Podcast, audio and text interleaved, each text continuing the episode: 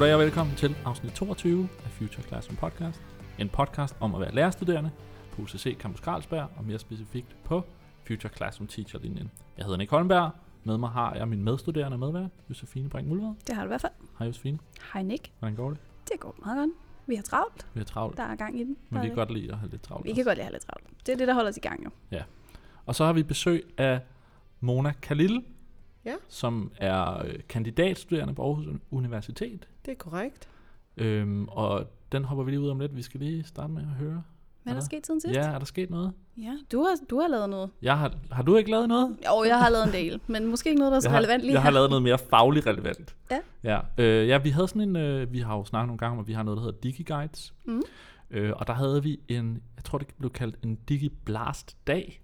DigiBlast. Ja, jeg ved ikke hvorfor. Men Nej. vi havde en hel dag, hvor vi, øh, man kunne, hvis man ikke kunne hele dagen, så kunne man være noget af dagen. Men jeg var tænkt, nu må jeg være med hele dagen. Så jeg var med, og der var, der var gratis morgenmad og sådan noget, så det var jo også en, en grund til at møde op. Men, Øh. Det er altid den bedste motivation for at være med. Det er så sjovt. men, øh, men vi legede med nogle teknologier, der var udbredt Lego. Ja. Så der var lidt for meget øh, præsentation på et tidspunkt, men generelt var det, var det godt. Det var fedt at lege med nogle af de Lego-teknologier, vi har. Der kom en gæst og fortalte om det, og vi fik lov at prøve nogle ting af, og det var rigtig fedt. Det er altid fedt, når man får lov at- at lege med noget af det her Lego, som vi også potentielt kan bruge i noget... Øh. Nu har du så sagt, le- eller lege med Lego fire gange. Det er det jo også. Leger I, eller var der nogle Det var konkrete ting, I Det endte det jo med, men jeg synes, det er vigtigt, at jeg synes faktisk, det der, hvis jeg skulle sige noget sådan lidt kritisk, så var det faktisk, at vi, der gik for lang tid, før vi fik lov at få det mellem hænderne, for jeg synes, det er vigtigt, når det, selvom jeg har, har leget meget med Lego, da jeg var lille, så synes, og det, det her var lidt noget andet, så synes jeg, det er vigtigt at få det mellem hænderne og prøve det af, før Ja. vi begynder at lægge alt for meget teori og, og didaktik ned over det. Mm. Øhm, så det var rigtig fedt, og jeg synes også, det er fedt nogle gange, hvis jeg skal bruge noget teknologi til, øh, til uddannelse eller til undervisning, at jeg får lov at prøve det af først, for det kan være svært at se potentialet i det, før jeg ligesom kender teknologien. Ja. Øh, men det var nogle forskellige øvelser, som man også kunne bruge i noget undervisning, som var rigtig spændende. Og, og så det var sjovt at ja, prøve af. Og få lov at være sammen med nogle af de andre lærerstuderende, som er teknologiinteresserede, men som ikke går på Future. Fedt. Ja, så var vi ude og spise om aftenen og sådan noget. Det er bare fedt at få bygget noget socialt op også, synes jeg. Ja, det er i hvert fald rigtig, rigtig vigtigt også, tænker jeg. Ja. Jeg kommer faktisk lige til at tænke på, at måske har jeg lavet noget, der var lidt relevant alligevel. For jeg var faktisk i operan i går. Nå, Jeg var inde og se et stykke, der hedder Rejsen til Reims. ja. Det er en gammel fransk opera faktisk, hvor at, øh, som er lavet til kroningen af en af deres konger, Okay. Charles den 5. Nå. Øhm, så der var faktisk enormt meget øh, historik, Ja. øh, eller sådan virkelig historie faktisk, i det her stykke.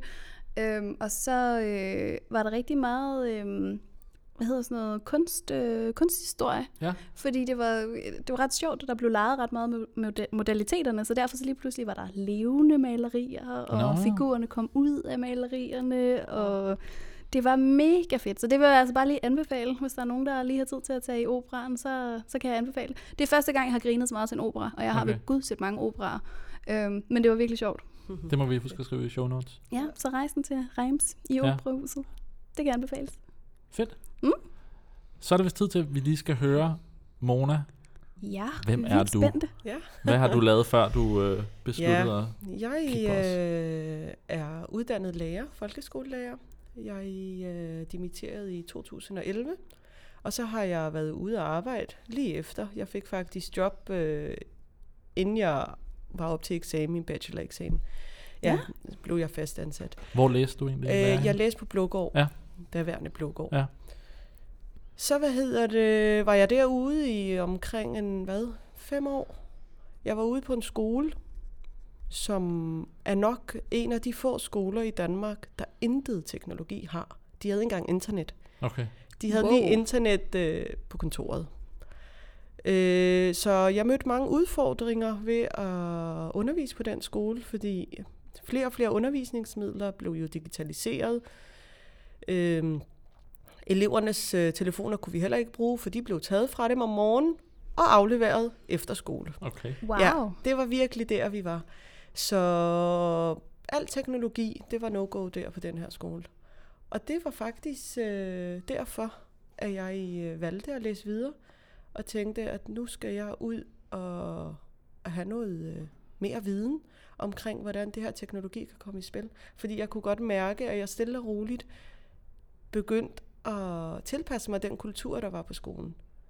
Øh, og og stille og roligt fandt de her udfordringer ved at bruge de her materialer fra Linnea eller Gyldendal, som var digitaliseret, som jeg ikke engang kunne smide op på en stor skærm, for der var ingen whiteboard, der var ingen, der var ingenting. Okay. det var bøger, det var hæfter, det var blyanter. Hold da Og fast. måske yes. en lommeregner. Ja, men nu er jeg ikke Nej, matematiklærer, okay. så... Jeg tænkte bare, hvor går grænsen henne? Ja. ja, ja. Nå, men øh, så mødte, stødte jeg på den her uddannelse, der hedder IT-didaktisk design, omkring hvordan man kan udvikle digitale undervisningsmetoder. Digitale, Og det er på Aarhus det er Universitet. på Aarhus Universitet, Ja. ja. Det er en online uddannelse, øh, hvor jeg skulle dukke op øh, i Aarhus sådan hver anden måned. Start af semester og slut. Og som regel start af et modul og slut på et modul. Så, så det var sådan, det var. Øh, og det gjorde jeg i halvanden år, hvor jeg kørte frem og tilbage til Aarhus hver anden, Hold tredje måned. Mm. Var der i en to-tre dage, og så hjem igen. Og nu er jeg i gang med speciale, Mm. så, så der er lys for enden af tunnelen. Åh, oh, det er godt at høre. Det bliver der også for os på et tidspunkt. Ja. Forhåbentlig. Det går stærkt, tro mig. Ja, det har jeg også på fornemmelsen allerede. Jeg synes, jeg allerede har det der. Ja. Det er gået vildt stærkt. Også faktisk især, når vi lige tænker på, hvor det var, vi mødte Mona. Hvor vi mødte dig. Det gjorde Ja. vi jo faktisk i starten af det her semester. Ja. Øhm, hvor du var med som øh, observant egentlig i vores Ja. undervisning. Ja, jeg, øh, ja, jeg var faktisk i tredje semester, skulle jeg have deltaget i noget, der hedder Summer University. Øh, sådan inden tredje semester startede. Det betyder sommer 2016. Ja. Nej, 17. 17. Mm. Fordi, ja. Nej, 16. Det må være 16. Ja, altså, det, var er i sommer. 16. Det var i sommer. Ja. Men det blev aflyst, så jeg stod lige pludselig, og det var nogle 10 ECTS, jeg øh, øh, skulle have igennem på det her tredje semester, ud over et andet fag. Så jeg øh, skrev til CFU, om øh, de har en praktikplads til mig. Det skulle bare være en måneds praktikplads, og det, jeg blev kontaktet med det samme. Jeg sendte en ansøgning, blev kontaktet med det samme af en Åse, et eller andet. Og, øh, og så var jeg til samtale hos øh, Lasse dagen efter. Lasse Remmer fra ja. CFU. Og så blev jeg præsenteret for Future Classroom Lab. Jeg vidste intet om det. Jeg har aldrig hørt om det. Og det var så mit første møde med FCL. Og så startede jeg min praktik i september 2016, hvor jeg så stødte på teacheruddannelsen. Hvad, hvad tænkte du så der, da du så lab for første gang, og derefter, da du så... Da jeg teacher? så labbet, da, jeg mødte jo Lasse over, da de stadig boede på Titangade. Okay. Og så var de jo flyttet herind til øh, Campus Carlsberg, og der så jeg så det her lab med alle de her teknologier. Det var jo heaven. Ja, også et meget større lokale her. Fuldstændig. Og øh, øh, hvad hedder det? Og så kunne jeg se der for enden af det her lokale, sad der en del studerende, som var ja. Ja. Jeg vidste egentlig ikke, hvad I var, fordi jeg var jo beskæftiget på labbet med at udvikle en hjemmeside sammen med en anden praktikant Okay. til Future Classroom Lab. Øh, og der spurgte jeg så lidt ind til, jeg så, der var lidt kurser rundt omkring, og jeg spurgte ind til, indtil jeg mødte teacheruddannelsen. Og hvor jeg virkelig stiftede bekendtskab med jer, var faktisk til jeres øh, afsluttende eksamen. Nå, er det rigtigt? Der kan jeg huske, du var. Ja. Ah, Wow, så du har faktisk kendt os, før vi kendte dig. Yes, det har jeg. Jeg har holdt øje med jer. Du Jeg har været fluen jo- på væggen. Jeg kender jo Tobias, fordi han har været min underviser øh, på Ah, på læreruddannelsen. Blågård selvfølgelig. Ja. ja. Så, så, så, så der så jeg, at han havde reklameret for den her konference, og jeg har også talt med ham en gang imellem også om generelt om FCL og Future Teach, eller Teacheruddannelsen og andet. Og så var det der, at jeg dukkede op til den her konference. Og det var bare... Det, der var jeg imponeret, og der tænkte jeg, det her, det skal jeg skrive om. Ja. Det, det var jeg ikke i tvivl om. Ej, hvor er det skægt. Ja, Ja. og jeg deltog i, øh, jeg er jo meget optaget af digital dannelse, Ja. og jeg deltog i den workshop, der havde noget med digital dannelse at gøre. Ja. Og den workshop, der havde noget med 21 århundredes kompetencer at gøre. Sådan Sjovt der. ikke? øh, og det, det var så de to workshops, øh, som egentlig, øh, som jeg synes var, de var alle sammen spændende, men det var dem, der var særligt specielle for mit vedkommende. Og det er egentlig også det, jeg meget af de temaer, 2100 skills og digital dannelse, som jeg bruger i mit speciale nu. Vildt nok. For, Ja. for lige at tage lytterne med, så var det selvfølgelig de workshops, som vi stod for. Ja. Ja. for sig. Ja, Sammen med vores grupper selvfølgelig. ja, ja. Det er rigtigt. Vi havde, hvad var det, 6-7 grupper. øhm, Ja, som havde forskellige emner og forskellige produkter. Men det var så Josefines gruppe og min Niklas gruppe. ja. Vi stod for digital dannelsesdelen. ja. Den står vi fast på. Som var den, du endte med at gå videre i Educar-konkurrencen. Ja, og, det gjorde øh, jeg faktisk. Og vi kom på anden pladsen med vores, øh, vores lille bog. Ja, og vi blev, blev kontaktet af Clio, med at de ville købe, eller være ude i at lave noget samarbejde med vores 2100 brætspil. Ja. Så det må vi, ja, det er vi ikke helt færdige med. Nej. Det kommer på et tidspunkt. Det må lige få fuldt op på. Ja. Men det er jo i virkeligheden ret interessant, fordi så har du været her lige så længe, som vi har. I princippet. Du har bare været nede i labbet, og vi har været nede i den anden ende i præsentationszonen primært Ja. i, øh, i starten af semesteret. Hvad har du oplevet altså på al den tid? Hvad, hvad er der sket? Og hvad med den hjemmeside, du taler om? Hvad, Ja, men jeg øh, stoppede jo praktikken, og så stoppede øh, jeg med nogen som helst hjemmeside, fordi så havde jeg jo eksamen i tredje semester, som jeg skulle aflevere, og der skrev jeg faktisk om Future Classroom. Nej, det er ikke rigtigt. Der skrev jeg om øh, øh, digital, digital, at udvikle lærers digitale kompetencer. Ja. Øh, og der, hvad hedder det, så jeg havde ikke så meget med CFU at gøre mere på det tidspunkt. Nej. Men da jeg så afleverede eksamen, og jeg var kommet i kontakt med øh, Nikolaj, og jeg havde talt med Lise, dem tog jeg fat i allerede til konferencen og aftalte at Som er med vores dem, underviser. som er jeres underviser, engelsk og dansk underviser.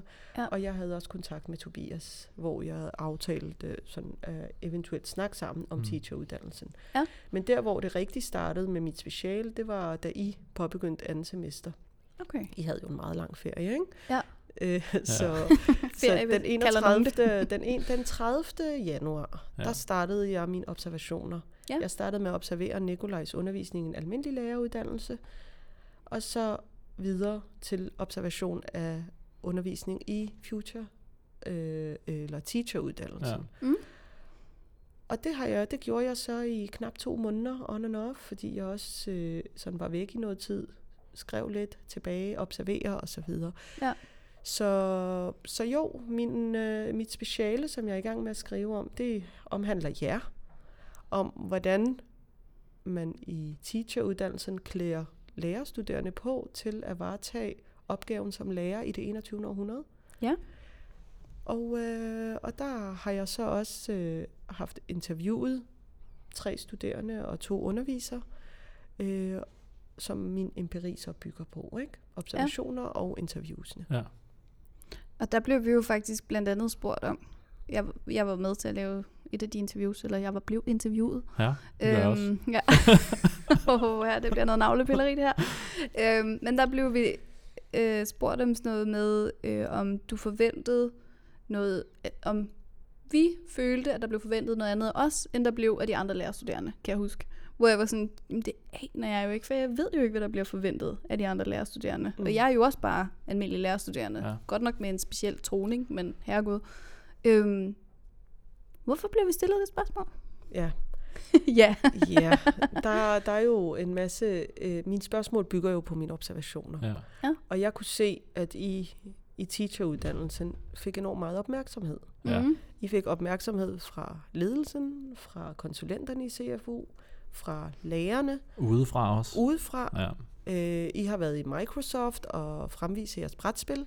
Ja. I fyldte meget. Det er Ja, så efterfølgende fra Norge og i, ja, alt i læringsfestivalen. Mm. I har hele tiden besøg, enten fra kommuner eller fra udlandet, og hvorimod, nu kan jeg jo, bygger jeg jo ikke min, min påstand på noget specifikt, men hvorimod den almindelige læreruddannelse har jo ikke rigtig set noget reklamation på. Det er bare en almindelig læreruddannelse, der er ikke noget nyt ved den Mm. på den måde. Øh, hvorimod I er jo helt nye. Jeg kan også huske, nu kan jeg faktisk ikke jeg svarede på de spørgsmål, men øh, jeg kan da også huske nogle af de første gange, blandt andet Tobias sagde, at han ville ikke have, at vi skulle gå ned på noget af det andet. Altså, vi skulle have de her teknologiske ting og arbejde med rum, men vi skulle ikke være dårligere til noget af det andet. Nej, altså i forhold til de andre lærerstuderende, Ja. skulle vi have vores fagfaglige kompetencer lige Ja. så meget i orden, som, som de skulle have. Ja. Mm. Og de didaktiske og pædagogiske og alle de der Ja. ting. Øhm, så på, den- jeg kunne sagtens se mig selv svare, jamen på den måde, så er der jo højere forventninger. Fordi så er der jo forventninger til, at vi skal kunne det samme som dem, plus de Alt, her, øh, den her mm. toning. Ikke? Ja. Ja. Mm. Men hvad så du? Jeg så, hvad jeg så i uh, teacheruddannelsen, en uh, gruppe studerende, der meget hurtigt kunne omdanne brugen af teknologi i en undervisningskontekst. Jeg så en gruppe studerende, der faktisk øh, sjovt nok blev smidt ud i noget teknologi, de aldrig før har brugt. For Ja. eksempel med øh, microbits. Der observerede jeg specifikt to grupper, der sad og prøvede at finde ud af, hvordan fungerer det her. Ja. Ja. Og Lise havde kombineret det med noget sprogundervisning, med noget Ja. pragmatik og med noget retorik, tror Ja, jeg. så det var heller ikke den- Eller, Nu er vi selvfølgelig Ja. sprog, men det var heller ikke den åbenlyse med, Nå, men nu skal vi lære noget om elektronik med Nej. det her. Det var at bruge det på en Men helt I anden skulle, måde. bruge, ja, I skulle bruge sproget kombineret med noget kodning. Og der var jeg imponeret over, hvordan de her, specifikt de her to grupper, startede med nul, ingen viden, så en YouTube-video, som Lise havde henvist til, øh, og så sad de bare og legede sig frem. Øh, og så lige pludselig, så Lise hun gik rundt der og sådan talte med de forskellige grupper, var nærmest en, en støtte, men en indirekte støtte. Øh, de stillede, hun vidste jo ikke rigtig så meget selv, hvordan den her sådan helt skulle kodes. Hun har selv leget lidt med det. Øh, og så endte det med, at øh, en af jeres øh, gruppe, eller jeres medstuderende, fandt ud af, at den kan lave lyd. Så brugte han hele tiden sin, øh, sin time, eller hvor lang tid nu havde til det, på at få den til at spille en bestemt melodi. Nå, det kan jeg godt huske faktisk. Ja. ja. Øh, og så den der, det der samarbejde, det der fællesskab, der var, at selvom man var to grupper, vi arbejdede med det samme, men vi kunne godt gå hen til den anden gruppe og lige spørge til røds, hvordan er det nu, vi gør det? Så der er den der, det der fællesskab, den der, at vi samarbejder, selvom vi er i forskellige grupper. Mm. Vi bliver ved med at arbejde med den teknologi, indtil vi finder ud af, hvordan den virker. Og så tager vi diskussionen efterfølgende, om den kan bruges i en klassekontekst Ja. i en undervisningssammenhæng. Men at I kunne få sprog ind med noget kodning, det var, det var jeg faktisk ret imponeret over. ja. Og nu har du så også været sammen med de almindelige lærerstuderende. Øh, hvad oplevede du så der? Hvad var... Nu, nu skal jeg passe på, at jeg heller ikke er lidt unfair over for dem. Nu observerede jeg jo blot den ene gang, men jeg kan jo også huske fra min tid, selvom det er mange år siden egentlig, at de sad i et klasserum, øh, typisk klasserum, i, for, i forhold til jer, der sidder i et lab, Ja. øh, omkring nogle boger i nogle grupper. Det var ikke nogle grupper, der skulle samarbejde, de var bare placeret tilfældigt Nå. øh, på den måde, de nu sad.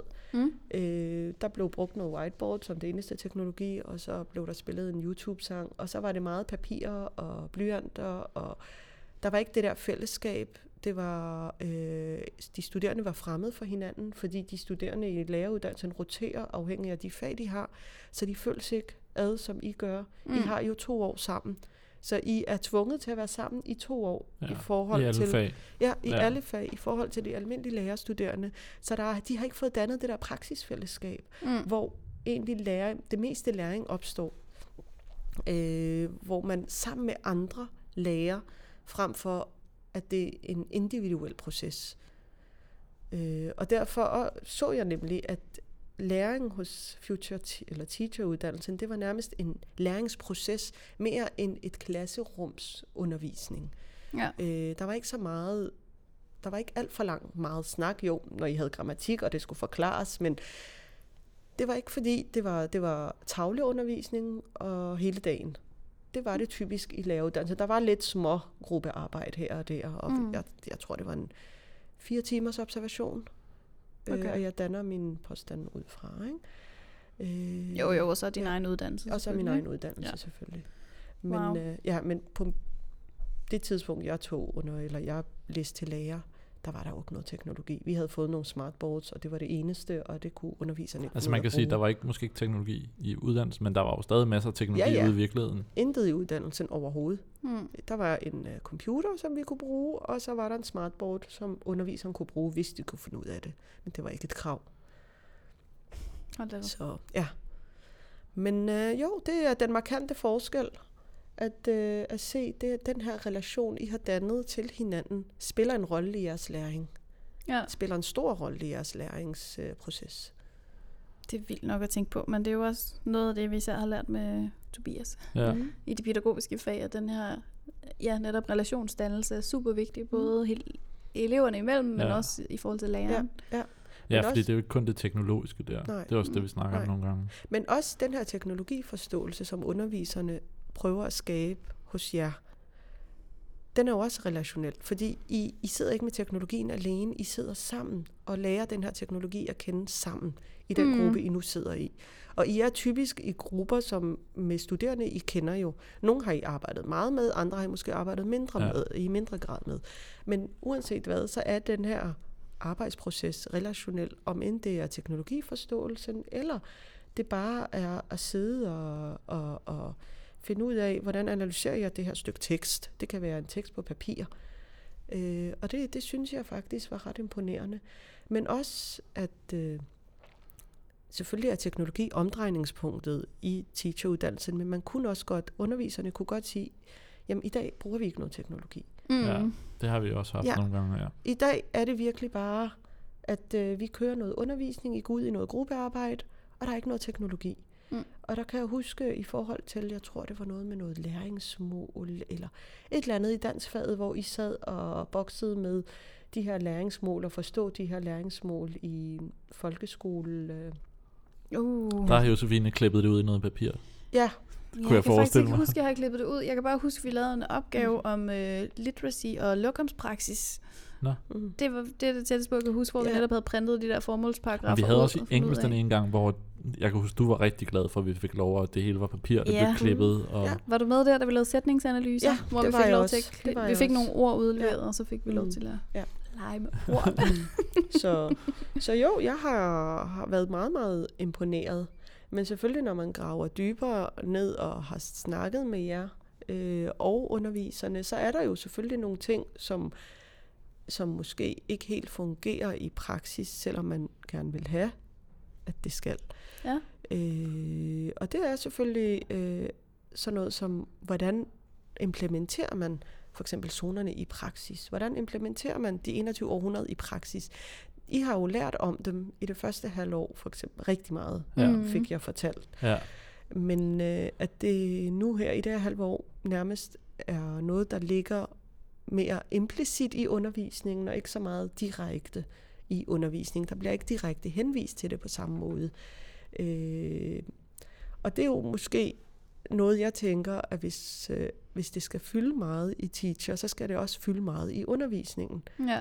Øh, ja, det kan man vel diskutere. Altså, jeg tænker, at det er de 21. århundredes kompetencer. de der nøgler, som man skal Ja. igennem, ikke? Ja, fordi jeg synes jo i virkeligheden, at vi har arbejdet ret meget med dem, men for os bliver det mere en, eller for mig personligt i hvert fald, bliver det sådan et redskab. Det bliver noget, jeg kan besøge, når jeg ved, at jeg har nogle elever i Ja. ja. hænderne. Øhm, og det tror jeg egentlig, jeg føler mig rimelig rustet til at gøre nu. Men jeg kan selvfølgelig godt se, at vi skal øve os på at Helt bruge sikkert. Altså vi skal øve os på, sådan, hvor er det, hvad er det, vi skal have fokus på lige nu. Jeg er også spændt på, Øhm. hvordan det bliver, når vi rent faktisk kommer i praktik. For så meget praktisk har vi jo ikke haft nu. Nej, og det er jo også det her med at altså på lidt længere sigt planlægge forløb og så videre, hvor er det så, at vi skal bruge, altså hvad for en, mm. Mhm. nogle pladser på taksonomierne og så videre skal vi ramme. Øh, men noget af det, jeg i hvert fald også har været lidt bange for med de nøgler, det er det her med, hvis det bliver for øh, for meget en, øh, jeg tror jeg har sammenlignet med religion i et afsnit, hvis det bliver for meget noget, som hele tiden skal være ja. noget, vi lever efter, og hvis det er den måde, som al undervisning bliver planlagt ud fra, for så synes jeg faktisk, de mister deres, øh, de mister de gode ting ved dem. Mm. Øhm, Ja. Det ved jeg ikke, hvad tænker du om Ja. det, når du har... Jamen, jeg, jeg har jo både læst dem, der taler for 21 ja. århundredes kompetencer, og dem, der taler imod. Og dem, der taler imod, de siger jo direkte, at de her 21 århundredes kompetencer, de er jo formuleret sådan, at kommende borgere i samfundet skal kunne fungere, øh, eller skal kunne påtage sig jobs, Ja. som endnu ikke eksisterer. Mm. Ja. Øh, og her taler man teknologiske øh, jobs. De skal udvikle kompetencer til at kunne påtage sig de her øh, ja, jobs. Men det, for mig har jeg, er jeg så lidt i forhold til dannelsen. Mm. Kan 21 århundrede, hvad er, hvad er første prioritet? At danne de her elever til at kunne fungere i et samfund, selvom de ikke kan finde ud af at påtage sig de her jobs, og til at kunne fungere etisk i på i den virtuelle øh, verden, Mm. og ikke kun Ja. i den verden, de indgår i. Så tænker jeg, at de her kompetencer, hvis man har for meget fokus på dem, og det er meget resultatsorienteret, det er sådan lidt, for mit vedkommende kan jeg jo godt se, at de er lidt mere målstyret i forhold til, hvad er det for en taksonomi, hvad er det, vi skal opnå. Mm. Lidt eller, eller alt muligt andre øh, øh, målstyret undervisning. Ikke fordi jeg sammenligner de her to med hinanden, men det er en måde, det er selvfølgelig et værktøj for underviseren, at det er det, der, jeg gerne vil have mine elever skal være. Men det er jo ikke alle elever, der kan være på samme niveau. Og det ved jeg også Ja. ja. godt, det bliver der også påpeget. Men, men hvad er det, vi skal som underviser? Skal vi danne vores børn Mm. til at kunne fungere i et samfund, at de skal være, øh, hvad hedder det, ifølge Klafki, hvis vi tager fat i Klafkis dannelsesteori, så skal de have selvbestemmelse, medbestemmelse og solidaritet. Det er jo de første ting, jeg tænker i forhold til min rolle er som underviser. Dernæst er det jo selvfølgelig vigtigt, at de kan påtage sig jobs, men det behøver ikke nødvendigvis at være de jobs, der stadig Nej, eksisterer Nej. hvis I forstår, hvad, Ja. hvad det er, hvor jeg vil hen. At det er ja. sådan lidt økonomisk styret på en måde. Ja. Og når man så ser på, hvem det er, der har udviklet de her ja, nøgler, Ja, så, det er klart. Så, så bliver man lidt mere kritisk. Ja. Øh, så jeg tror, og det er det, jeg har observeret igen, TITA-uddannelsen, når jeg har talt med øh, nogle undervisere, at de her kompetencer skal tages i brug på en operationel måde. At det ikke skal være sådan en taksonomi, hvor øh, det er målstyret, men mere, Mm. øh, at det er et, Det er mere et noget værktøj. støttende. Ja, Ja. Ja. ja. Og så, og så, ja, ja, så kan det måske godt give mening, ikke? Ja. Men de er jo ret abstrakte, Ja. øh, synes jeg, også når jeg sidder og læser øh, de her kompetencenøgler, øh, de der niveauer, som I undervisere skal være på, men også som eleverne skal være på. Mm. Hvordan går man hen og vurderer, hvilket niveau man er på? Og de er lidt svære at kode, Det, det synes jeg også, du er ret i, og det er Ja. måske noget, der, der kan det være, fordi jeg arbejdede med det med konferencen, at det har hjulpet, men der synes jeg netop det der med at bruge det, det da vi skulle stille de spørgsmål til vores brætspil, Ja. gav ret meget, fordi så skulle vi lige pludselig tænke en masse øh, situationer, hverdagssituationer fra en folkeskole, og jeg synes Ja. det med at, at, at skulle svare på de spørgsmål selv, det synes jeg gav rigtig meget, for så er det ligesom, okay, hvordan kan Mm. jeg bruge det i den her situation, hvad vil jeg, hvad vil jeg gøre, og så er det jo netop, det, det er rigtigt, at øh, vi skal ligesom være opmærksom på, hvem er det, der har udtænkt det her, og, og hvad er målet med det, med, med jeg tænker, Mm. jeg vil i hvert fald prøve at bruge det, måske lidt på en anden måde i nogle Mm, øh, mm, sammenhænge, ja. til hvad jeg føler, at, at altså, der er styrken. Ja. Vi havde jo faktisk en undervisningsgang, det tror jeg, tror det var efter du slap os, øh, Mhm. men det kunne have været ret interessant at have dig med der. Øh, det var i KLM, øh, hvor vi havde en undervisningsgang om medborgerskab, hvor vi netop fik mulighed for at gå ind og arbejde med de her nøgler.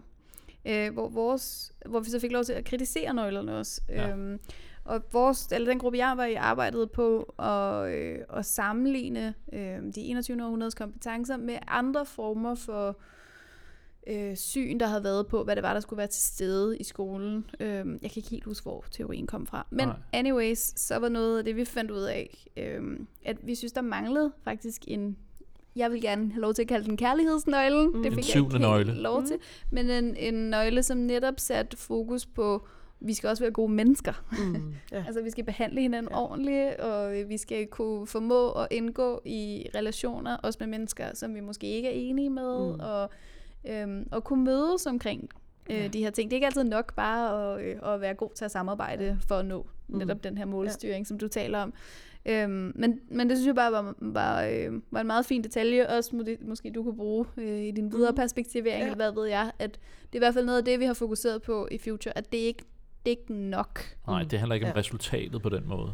Nej, og så var der faktisk også en ting, som vi gerne ville have i spil. Det er det her med det mere sådan, det her med at forholde sig kritisk. Altså faktisk metareflektionen hele tiden. Sådan, hvorfor er det, vi gør det her? Og hvad er det med den her tekst? Og hvem, hvem er ham her forfatteren? Mm. Og i øvrigt også nogle af de diskussioner, vi har i, øh, i digital dannelse, øh, Mm. hvis vi skal kalde det digital dannelse. øhm, sorry. Øhm, men det her med sådan afsenderforhold og, øh, og stillingtagen til, hvor er de henne i samfundet, og hvad er deres syn på tingene mm. og så videre. Mm. Det synes vi også mangler lidt i de her øh, nøgler, at man også lige hiver sig op på det der metaniveau. Ikke? ja. Så øhm, Men hvis jeg må, hvad hedder det, med hensyn til digital dannelse, der, Ja. der siger du, hvis vi må kalde det digital dannelse. Og Ja. jeg ved, jeg har haft den her diskussion også med andre.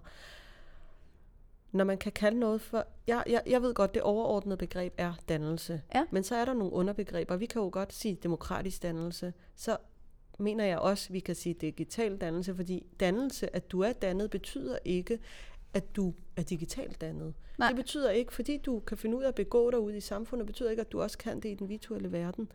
Du finder, og det beviset er jo, øh, I har jo selv arbejdet med toxic- toxicity, hvor øh, kommentartrådene, hvordan folk egentlig taler, og hvordan man opfører sig generelt online, er ofte noget, man ikke gør ude i samfundet. Mm. Og Ja. derfor, ikke fordi digital dannelse kun er der, men, men det er meget større, øh, øh, det indeholder meget mere. Ja, præcis. Men, men, men det er i hvert fald derfor, at jeg tænker, at øh, det er et underbegreb for dannelse, ligesom demokratisk dannelse også er det, og ligesom man også kan finde andre former for dannelse. Ja. Så Det synes jeg faktisk er et rigtig godt perspektiv at få på. Og jeg tror, at grunden til, at vi reagerer lidt på det her med at kalde det digital dannelse, er netop også bare, at der er så meget i det, ikke? mm, Og det er hvor der. er det, vi starter? Mm. Øhm, I sidste uge havde vi Tove Hvid med, mm. som øh, talte om øh, digital intuition. Ja, fra, som Anders Hvid. Anders Hvid, Ja. ja. Øhm, fordi det er jo også en del af det, men det er jo ikke nødvendigvis dannelse. Altså det her er Mm. jo også med fokus på, at vi skal være ordentlige mennesker på nettet. Så jeg Mm. synes, det er fint at kalde det digital dannelse, Ja. hvis bare man kan placere, hvor man taler. Ja. Det er også svært at sige noget meget i, komplekst, Mm. meget kort, Ja. og med et eller to ord. Altså, det er jo klart. Det er en kompleks ting. Men, Ja. ja. Ja, men tilbage til de 21 århundredes kompetencer, Ja. der, der, der er det sådan, at øh, der er jo rigtig mange, der har formuleret dem. Du finder mange forskellige formuleringer af 21 århundredes kompetencer. For Ja. ja. nogle Mhm. er det kun fire kompetencer, man skal opnå. For andre er det seks. For eksempel Fullen, der er det uh, seks C's. Øh, For hvem, siger du? Fullen, Michael Fullen, Okay. som er med deep learning, øh, som Future er inspireret af. Ja. Mm. Men, øh, men, men du finder jo, OECD har jo også øh, formuleret de her kompetencer, og i de her kompetencer finder du også sådan noget med medborgerskab. Du, øh, men det er jo igen de kompetencer, som labbet Future, FCL har taget til sig, Future Classroom Lab har taget til sig, altså de her seks kompetencer, hvor de så er inspireret af Michael Fullen. Ikke? Ja. Øh, men, øh, men jo, hvis jeg har lige siddet og læst en øh, bog, jeg tror den hedder Teknologiens testpiloter, hvor øh, der var alt muligt øh, omkring de her 21 århundredes kompetencer, og hvad det er, man skal opnå via de her kompetencer.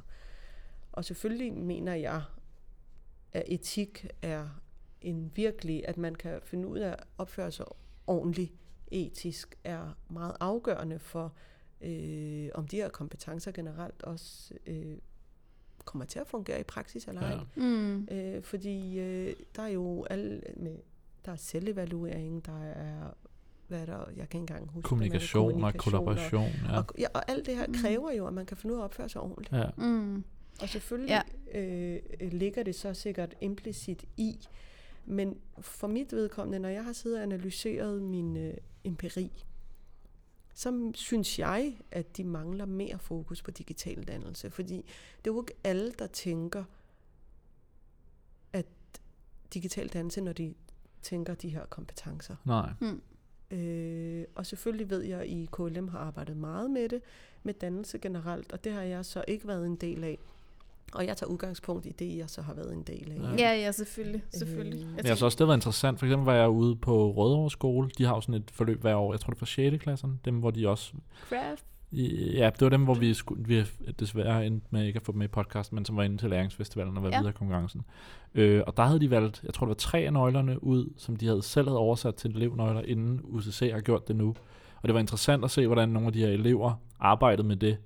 Fordi der blev de lige, det var jo en, hvad skal man sige, en konkurrence, og de skulle udlevere et IT-produkt, der var åbenlyst meget fokus på IT. Men fordi de så de her nøgler, nogle af de her spørgsmål, så fik de faktisk rigtig meget fokus på, at det var lige så vigtigt at arbejde godt sammen, som mm. det var at få et godt produkt. Ja. Og det synes jeg var en rigtig god ting at se ud i virkeligheden, hvordan det gjorde eleverne opmærksomme på noget, som er mere etisk og danne, et mere dannelsesperspektiv, Mm. end så re- resultatorienteret, ja. selvom nøglerne måske oprindeligt er tænkt mere resultatorienteret. Ja, ja. Og det var vildt fedt at se, hvordan Mm. der blev også øh, givet en delpris for den gruppe, der arbejdede bedst sammen. Mm. Og det var, Mm. det var virkelig fedt, synes jeg. Ja.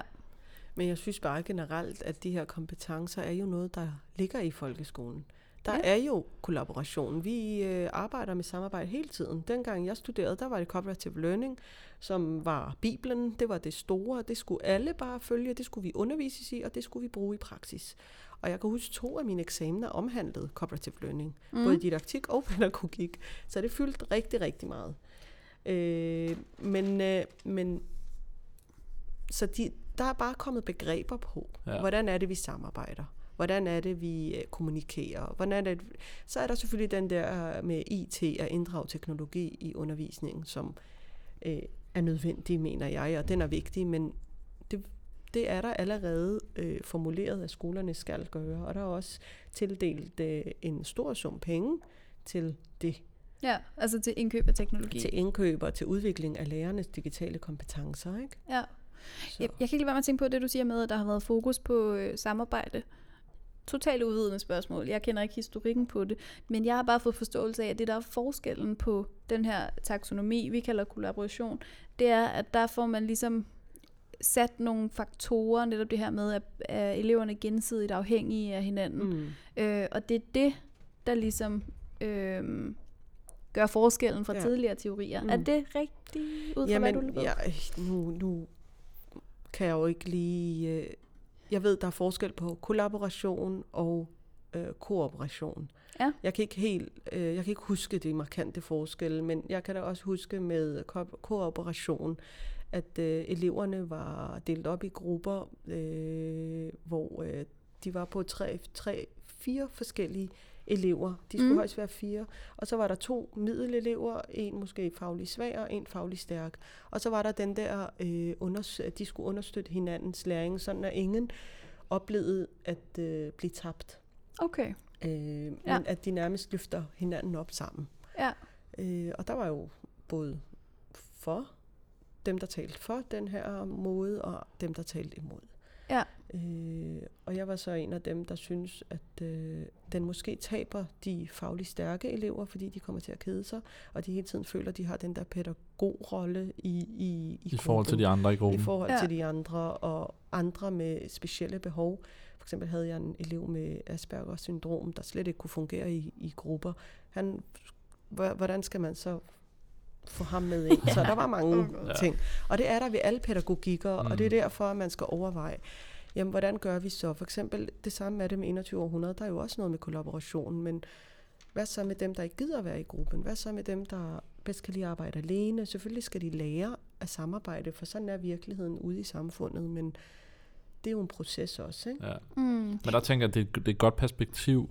Øh, for mig er det, jeg synes ikke, det er 2100 kompetencer sådan er løsningen på alt, men jo flere af den type hvad skal man sige, systemer eller, eller ting, der jeg kan stille spørgsmål til mig selv, kan støtte mig i, jeg stiller spørgsmål ind til den type undervisning, jeg vil have. Fordi det kan være, som sagt, som du siger, så skal de jo alle sammen lære samarbejde på et tidspunkt. Men hvis jeg så stiller de spørgsmål til min gruppe, og så siger, at den her elev har det bedst med ikke at arbejde sammen lige så meget som de andre, mm. så ved at stille de spørgsmål til mig selv, så bliver jeg opmærksom på, okay, skal jeg så, altså så tænker jeg over, får han nok gruppearbejdsøvelse mm. ved at stille det spørgsmål, selvom jeg måske siger, at han har brug for noget andet lige nu. Mm. Øh, så jeg synes bare, det er en fed måde, at, at der bliver gjort opmærksom på nogle ting. Ja. Og, jeg, og jeg tror, det, det bedste for mig til sidst vil være, at jeg bruger det 21 kompetencer, men også nogle andre, så man mm. ligesom føler, at man får dækket sig ja. ind med nogle forskellige taksonomier og systemer og spørgsmål. Mm. mm. Ja. Jeg oplevede for eksempel øh, der sidste gang, jeg var inde og observere jer, hvor I havde en 7. klasse inde i labbet. Ja der oplevede jeg øh, for eksempel, at øh, en elev, som I tidligere havde... Øh, ja, I var ude at besøge øh, den skole, hvor... Vi var ude at overvære noget elev, undervisning. Ja, ja, og der var der en elev, som var helt stille. Han ja. deltog overhovedet ikke. Han sagde ikke en lyd. Det var så godt nok på engelsk. Og der er jo mange, der er skræmte for at tale engelsk, fordi de føler sig usikre og andet. Men da han så kom her, eller da klassen så kom her ind i labbet, og den her elev så sad i en gruppe og, og skulle øh, spille et spil med en bombe, som de skulle detonere. Ja, det var min gruppe. Igen. der, hvad hedder det, der var han øh, aktiv. Ja. Mm. Der sad han direkte og, og, og var med. Han var den, der skulle detonere bomben, og han stillede spørgsmål til den, der guidede ham, og han, var, han, var, han deltog. Og der, der tænker jeg, det er jo det, teknologien egentlig kan bidrage med, at dem, man der ikke rigtig føler, at de kan sige noget, alligevel kan være med i en, en undervisning. øh, ved at trække det her teknologi. Det var også ind. sjovt, fordi flere af dem, vi havde med ind i, i vi spillede det her øh, computerspil, hvor det går ud på, at man skal detonere en bombe, og man skal samarbejde. Der er en, der har en manual, og den anden som med bomben, og så skal de snakke sammen om, hvad de skal gøre. Øh, og nu tror jeg ikke, det var ham, men jeg tror faktisk, det var ham, han var sammen med. Øh, han kunne ikke stoppe med at snakke engelsk. De, de glemte det simpelthen. Mm. De blev ved at snakke engelsk Fedt. bagefter. Mm. Øhm, og det var ret interessant at se, at de også, øh, når vi spurgte ind til det bagefter, at de faktisk ikke så det som undervisning. Mm. De tænkte, de spurgte, hvad har I så lært i dag? Jamen, vi har lært noget med samarbejde og sådan noget, tænkte de så. Ja. De, de så det slet ikke som, de havde lært noget engelsk, før vi begyndte at sige, hvad, hvad for nogle ord brugte du, og hvad har du ellers gjort? Så, Nå, jeg har faktisk lært nogle nye ord Mm. Mm. øh, ved at arbejde med den her, Ja. øh, den her øvelse. Ja. Og det synes jeg var rigtig fedt. Og også hvordan det, at det var et, et spil, der tager 5 minutter at spille, så vi spillede det flere omgange. Og specielt efter første omgang, øh, at de fik klaret øh, opgaven, så fik den bare fuld Mm. gas. Fordi Ja. så, så havde de en god oplevelse med det, og det var sjovt, og så turde de virkelig kaste sig ud Ja. i at, at sige en masse på engelsk. Og det var også min oplevelse med den her gruppe. Men jeg oplevede så også noget mindre godt. og det var så en elev, hvor de øh, øh, spillede World of Warcraft. Ja. Så skulle de fortælle øh, om De skulle lave en deres karakter, og så snakke om ja. den. Ja. Der var der en elev, der decideret valgte at melde sig ud af det her fællesskab, fordi han ikke vil. Så Han nød at lave den her kar- karakter og det hele, men lige så snart, at de skulle til at sige noget, så gik han ud. Så var han ikke med mere. Og så var han bare væk.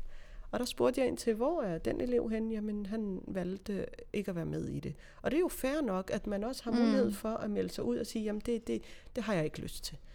Øh, og der, det var, det, det, det, de studerende, de var faktisk rigtig gode til øh, at, at give ham den luft, han havde brug for, og bare øh, gå videre med de andre elever og så videre. Ikke? Mm. Og det synes jeg også var en positiv oplevelse, at de studerende kunne finde ud af også at håndtere det, selvom den her elev valgte at melde sig ud af gruppen, fordi ja. han måske følte, at øh, han ikke er dygtig nok, eller hvad det nu kan være. Han Vi, ikke havde vi havde faktisk også en i, i bombeøvelsen, hvor der var en pige, som heller ikke ville være med, og fik lov til at sidde og, og kigge på. Mm. Øh, og hun fik sådan en manual og sad og kiggede med i den. Og så efter at de andre ikke havde kunne løse opgaven, så de skulle spille det igen, så hoppede hun ind og tog styring, fordi så havde hun kigget manualen og fulgt lidt med og set, det her det kan jeg godt. Okay. Det kan jeg bedre end de andre. Og så Ja. tog hun fuldstændig styring på det Mm. efterfølgende. Ja. Og det var ret interessant, for det var nemlig også en af de her, jeg ved, over, overvære undervisning, Ja, at, ja. som var virkelig en stille pige, som ikke Mm. ville noget. Ja. Det, det, jeg ville have gjort, hvis det var mig, der var underviser på, i den her klasse, det var selvfølgelig at dele eleverne op, sådan at de, øh, de på en måde, øh, at der ikke er nogen helt vildt dygtige og nogen helt vildt Ja. svage i en Mm. gruppe, så man ikke rigtig kan samarbejde. For når man taler sprogundervisning og engelsk, øh, og nogen overhovedet ikke kan sige noget, og der er så en anden, der er flydende, så føler man sig ekstra dårlig. Ja. Ja. Øh, det vil jeg i hvert fald have, have, have gjort mere ud af Ja. som underviser. Og Ja. det synes jeg var lidt synd, at de bare fik et tal, øh, og så var Ja. ja. det det. Så det er måske den pædagogik, man skal overveje. Ja. Og det tror jeg faktisk også, at vores lærer Nikolaj havde lagt op til. Okay. At, at de skulle være mere opmærksomme på, hvordan... Jeg tror, at han formulerede det som, sådan, hvad for nogle grupper, der vil fungere godt. Mm. Og du ved. Mm, mm. Men det er jo netop sådan nogle ting, jeg tænker, man vil tage med ind i de Ja. overvejelser. Ja. Så, men god pointe, for det der oplevede jeg også, at det er jo enormt svært at sidde. Jeg havde nogle gange to elever ad gangen, jeg skulle intro, øh, øh, hvad hedder det? Øh, instruere. Ja. Øh, og når de var på meget forskellige niveau i deres engelsk, så blev det enten lidt fordummende eller lidt for kompliceret. Mm. Øh, på trods af, Ja, at det kun var nødt til at gå på to kompromis. elever, Ja. ikke? Ja, Mm. men det bliver et kompromis, Ja. og det gør det jo. Og det, i den her situation er det jo også totalt kunstigt konstrueret, Ja. fordi vi får en klasse, som vi har relativt lille øh, Ja, og vi udvalgte ikke selv noget som helst Nej. på den måde, kan man Nej. sige. Og der er det jo, altså hvis, hvis det netop er en virkelig dygtig og en, en ikke så dygtig elev, så risikerer du så, at ingen af dem i virkeligheden lærer noget. Ja, og det er det. Det. Nu havde jeg så heldigvis oplevelsen af, at vores elever lærte noget alligevel, for Ja. ja. jeg øh, var så heldig at møde øh, i hvert fald to af de samme elever, som vi mødte, da vi var ude på skolen og besøge mm. dem. Og vi havde valgt at fokusere på nogle af de problemstillinger, vi så i deres sprog. Så vi kunne følge en udvikling, hvilket jo var super givende. Mm. Men det var et tilfælde, Ja. Ja, ja. at det lå sig gøre på den måde. Ikke? Jo. Så, øh, men det var fedt, at du øh, kom og, og var med. Ja, ja, det, det skulle jeg helt sikkert ikke, øh, den her mulighed vil jeg ikke tabe, fordi der kunne jeg se jer in action, ikke? I ja. praksis. Fordi meget af det, I laver, øh, er jo hvor noget, I præsenterer for klassen. Ja. Så I får ikke prøvet det på de her Nej, elever. det var første gang, ja. Ja. vi faktisk skulle lave Ja. noget med nogle Og. Der er nogen, der har valgt det selv, kan man sige, Ja. ja. udenom, men det er første gang, vi blev tvunget ind i sådan Mm. en øvelse. Og det Og var, f- var godt. Det synes jeg var rigtig, rigtig fedt og givende for mit vedkommende, ikke? Ja. Øh, at se. Der tror jeg også, Så- der er jo mange fra vores klasse, der fik, specielt Mm. dem, der ikke har været ude at være vikar eller arbejde med Mm. børn på den måde, fik en, en oplevelse. Øh, Ja. ja. Og så fik Ja. ja. lært en hel masse af det. Mm. Ja. Så ja. Kunne, kunne din oplevelse, du havde der, kunne den være med til at understøtte noget af, nogle af de findings, du har gjort der i Ja, dit ja, speciale? helt sikkert. Absolut. Ja. Fordi at øh, en ting er, at, øh, at jeg observerer jer modtage undervisning. Øh, men jeg observerer jo også underviseren undervise. Ja. Øh, I det her tilfælde med den her klasse, der observerede jer studerende undervise. Og der kunne jeg så se, at øh, I dragede nytte af den teknologiforståelse, I har tilegnet jer her øh, i undervisningen, og, og faktisk fik den brugt didaktisk og pædagogisk, øh, hvilket var super fint. Fordi min, øh, mit speciale omhandler jo ikke kun, hvad, det, hvad I får ud af den her uddannelse, men også, øh, hvordan underviserne egentlig øh, griber undervisningen an. Mm. Øh, Altså så vores undervisere, jeres hvordan undervisere de griber... på teacher, hvordan bolden, de, ja. ja. Ja, hvordan de egentlig, øh, de er jo vant til nogle bestemte rutiner, nogle bestemte vaner, som de lige pludselig skal bryde ud af og undervise på helt nye måder. Så det er egentlig også en udfordring for dem at stå og undervise jer. Og nogen føler sig måske lidt øh, udfordret, specielt udfordret, fordi I forvejen nu til konferencen viste, hvor meget I egentlig kunne, og I på forholdsvis kort tid fik dannet jer den her teknologiforståelse. I har, i har en, en, øh, en viden om teknologi, som mange undervisere på stedet ikke har. Og det er ikke kun, hvordan man bruger det, ikke færdigheder, jeg taler om, men jeg taler om kompetencer, at kunne bruge dem i en undervisningssammenhæng. Ja, Og det er selvfølgelig Wow. wow. udfordrende for underviserne. ja. Øh, det kunne jeg mærke, det er også udfordrende for mig, fordi jeg har jo også været ude at undervise, og jeg har jo på ingen måde tænkt 3D-printer ind i en undervisning, eller en lasercutter, eller Nej. jeg kan huske, da jeg startede på universitetet, der mit allerførste seminar, der, der trak vores lærer, vores underviser os hjem til ham. Og der skulle vi spille rollespil. Vi skulle fægte mod hinanden. Sådan live rollespil. Live rollespil, ja. og det var virkelig, hvor jeg tænkte, Det må være "Søren, hvad skal vi virkelig bruge det til?" grænseoverskridende. Det var det. Det var det meget. Og jeg tænkte, at det er universitetet, men jeg synes, det var fedt, at vi vælger en uddannelse, hvor der hedder IT-didaktisk design, og tror, at det kun handler om teknologi, Ja. og man, brug- hvordan man bruger den i en Og teorien bagved det. Mm. Ja. At man så bliver kastet ud i en baghave, og lige pludselig skal fægte mod hinanden med sådan nogle hjemlavede svære og lavet af karton og whatever. Men det var virkelig... Og Åh. Det vil jeg gerne se. Ja, og det var det faktisk rigtig, rigtig fedt, fordi man allerede der fik... Det er jo ikke teknologien, der er, fo- der er i fokus. Det er måden, du bruger den her teknologi Ja. på. Øh, og hvis man læser teknologiens historie, så kan man jo sige, at en blyant og et hæfte er jo også teknologi. Det har bare udviklet Ja. sig med Det var også tiden. noget, det vi for eksempel Ja. snakker med Anders Hvid om med en lineal. Det er jo også en, en teknologi. Fuldstændig. Ja. Ja. Så, men det er bare for lige at drage paralleller til min egen uddannelse, at det, jeg synes, det er en meget fed måde at, øh, at øh, træde ud af den her, de her øh, øh, rammer, man har Mhm. mm-hmm. sat sig, øh, og træde ud et sted, hvor der ikke rigtig er nogen rammer, og man bare kan øh, være sig selv og, og, og føle, at man kan undervise på den måde, man har lyst til, uden at være bundet af, at teknologi skal være med hver eneste evige gang. Og det synes jeg, jeg har oplevet ind hos jer. Selvfølgelig er man bundet af teknologien, fordi det er omdrejningspunktet for teacheruddannelsen, men det er jo ikke det, I skal forstå nu, hvor I har dansk og engelsk, så er det det fagfaglige, I skal bruge i Mm. forhold til teknologien, og i forhold til at kunne undervise med teknologien. Men det er det fagfaglige, I egentlig skal lære de her elever. Ikke? Ja. Øh, så, så jo, jeg synes, det har været meget, meget spændende. det synes jeg. Nej, hvor godt. Ja. Ja, der, jeg har ikke så meget tid tilbage, men jeg kunne egentlig godt tænke mig som noget af det sidste at høre, øh, vi snakker også lidt med Tovid om det. Hvad tænker du om, øh, om læreruddannelsen øh, fremover? Fordi nu er der, nu er, og det er et forsøg med, med os på Future, der kommer to nye, øh, og, og som jeg også snakkede med Tovid om, så bliver der jo gjort nogle erfaringer, som, som skal fremover. Øh, men tænker du, hvordan tænker du, også de almindelige lærerstuderende skal undervises fremover? Skal de have et et modul med noget teknologi, og er der noget med det her med rummene, der kan implementeres, eller hvordan, Mm. hvordan tænker du? Jamen, jeg vil selvfølgelig håbe, at alle lærere, alle undervisere på Campus Carlsberg bliver klædt på til at drage teknologi i undervisningen. Øh, jeg, jeg tror altså ikke, et kursus vil hjælpe. Vi har tit set lærere og undervisere komme ud, øh, få et kursus i kodning, og så komme tilbage på en folkeskole, og så ikke rigtig bruge det til noget. Mm. De, de skal det der skal ske, eller det jeg mener, det er, at, øh, at de skal, det skal være en naturlig del af ens undervisning, at teknologi er integreret. At der skal lægges op til, at man kan bruge teknologien. Det betyder selvfølgelig ikke, at alle undervisere skal kunne øh, have færdigheder i at bruge 3D-printer, lasercutter og alt muligt, men det, der skal lægges op til, at det er de her teknologier, man godt kan og må bruge i sin Mm. mm. undervisning, og selvfølgelig øh, arbejde hen imod at give elever eller de studerende en teknologiforståelse. Fordi man kan ikke, man kan ikke udvikle digitale kompetencer hos elever, hvis man ikke selv besidder dem. Nej. Og det, det er præcis det samme, vi taler om med lærere og elever, som vi taler om med undervisere på KUDE eller her på stedet og studerende. Så du vil ikke kunne øh, udvikle de her digitale kompetencer hos en studerende, hvis du ikke selv besidder dem.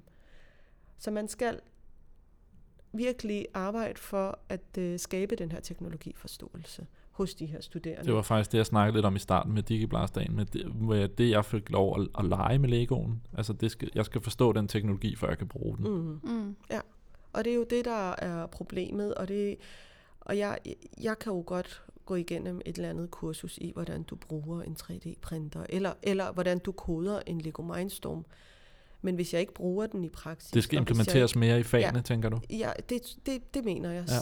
at det skal. Fordi når man ikke bruger det, når man ikke er hands-on, så glemmer man det. Det, det er jo kendt øh, for... Jeg havde for eksempel et øh, førstehjælpskursus for mange, mange år siden. Jeg kan da ikke huske, hvordan man gør, Nej. fordi jeg ikke bruger det. Ja. Øh, og det er jo på samme måde med teknologien. Så, så jeg tror, at det skal, det, det skal implementeres i undervisningen, og det skal ikke bare være et kursus eller et fag for sig. Fordi hvis man så har det i anden eller tredje semester, hvad så når man får når til fjerde semester? Bruger man det så der? Mm. Bruger man det i sit bachelor, eller hvad det nu kan være? Ikke? Og så videre i praksis. Ja. Så. Jeg kan ikke lade være med at øh, komme med et opfølgende spørgsmål. Hvad synes du så om IT som fag ude i folkeskolen?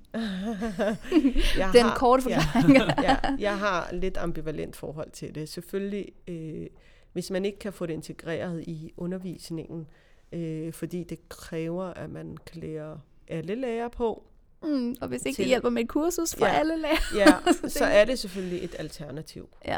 Men jeg mener ikke, at det er løsningen, at der skal være et IT-fag, fordi IT burde indgå i alle. Det, er det, ikke- det er ikke det endelige mål ja. i hvert fald. Nej, Mm. I, I for eksempel som teacher, I kommer ud med nogle linjefag, og I har, I har noget teknologividen i baggrunden. Eller, og det, det er jo det, der skal til for at kunne bruge for eksempel, øh, hvad hedder det, hvad som helst af, af teknologier i sin under, for eksempel i matematik, når man bruger øh, Lego Mindstorm til at kode den. Hvordan skal man gøre det, hvis man ikke... Øh, man skal både have det fagfaglige, og man skal have det teknologo, teknologiske for at få det til at virke sammen. Ja. Og det er jo... Det, er jo, det kan man ikke, hvis det bare er en viden, man besidder uden rigtig at have brugt den. Jeg har lært at kode en Lego Mindstorm, men jeg kan ikke finde ud af det. Fordi jeg sad og støttede med en medstuderende, som bare var en hej til det, og han gjorde det hele. Jeg skulle bare klæde den ud. Mm. Øh, og det, det, var, det var noget, vi lærte også på første semester på kandidatuddannelsen. At sidde og lege med robotter og sumobrydning med robotter. Men i virkeligheden kan jeg jo egentlig ikke finde ud af det selv. Nej. Og det er jo Uh. sådan nogle ting. Det er måske ligesom, man har det nogle gange med sprog. Jeg kan da huske, da jeg brugte mit fransk meget, der var jeg da meget bedre til fransk, end nu har jeg ikke snakket fransk i mange år. Så Ja. kan man ikke huske det. Det er vigtigt, at man, man bruger det. Mm. Men der er faktisk også noget gruppedynamik i det der. Helt ikke? sikkert. Altså det med, hvis man sidder med en meget dygtigere øh, person, hvad får man så egentlig ud af det? Så det er jo også noget, man skal tænke på i, øh, som lærer. Ja. Ja. At hvad er det, man gør ved... Fuldstændig, fordi du kan sidde i, til et kursus, og så sidder der en, der bare er rigtig god til det, som du støtter dig op af, og du lærer nogle ting. Selvfølgelig gør du det, men det er jo bare basalt i forhold til at kunne bruge det i undervisningen. Ja. Jeg var igennem et kurs, der jeg, jeg observerede Martin med øh, øh, undervise Fra nogle lab. lærere fra laben.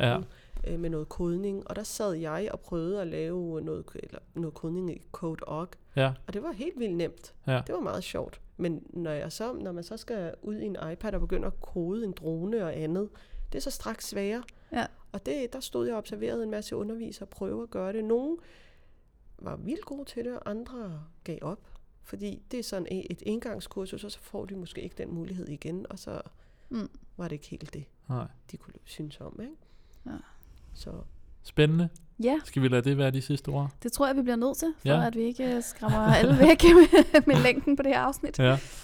Tusind tak, fordi du ville være med, Mona. Ja. selv Og tak. tak, fordi du har været og overvære og være med i vores øh, undervisning. Det har været spændende og hyggeligt. Tak fordi jeg måtte være med. Det har været virkelig dejligt og berigende, og jeg glæder mig til at sætte mit sidste punktum i mit speciale. Ja, vi Ja. glæder os også til at høre, hvordan det er gået. Vi håber, vi må læse det. Det må I gerne. Det vil være så fedt at Ja. ja. få øh, lidt ekstra metablik på, Ja. på Future. Ja. Men Yes. øh, det var godt at se dig igen. Ja, i lige måde. Ja, tak for den gang. Ja, Husk at tak. lytte med i, øh, i næste uge. Øh, som altid, så kan du finde os på iTunes og SoundCloud, og på Twitter, Facebook, Instagram. Vi hedder Future Classroom Podcast alle steder. Vi ses. Vi ses. Hej.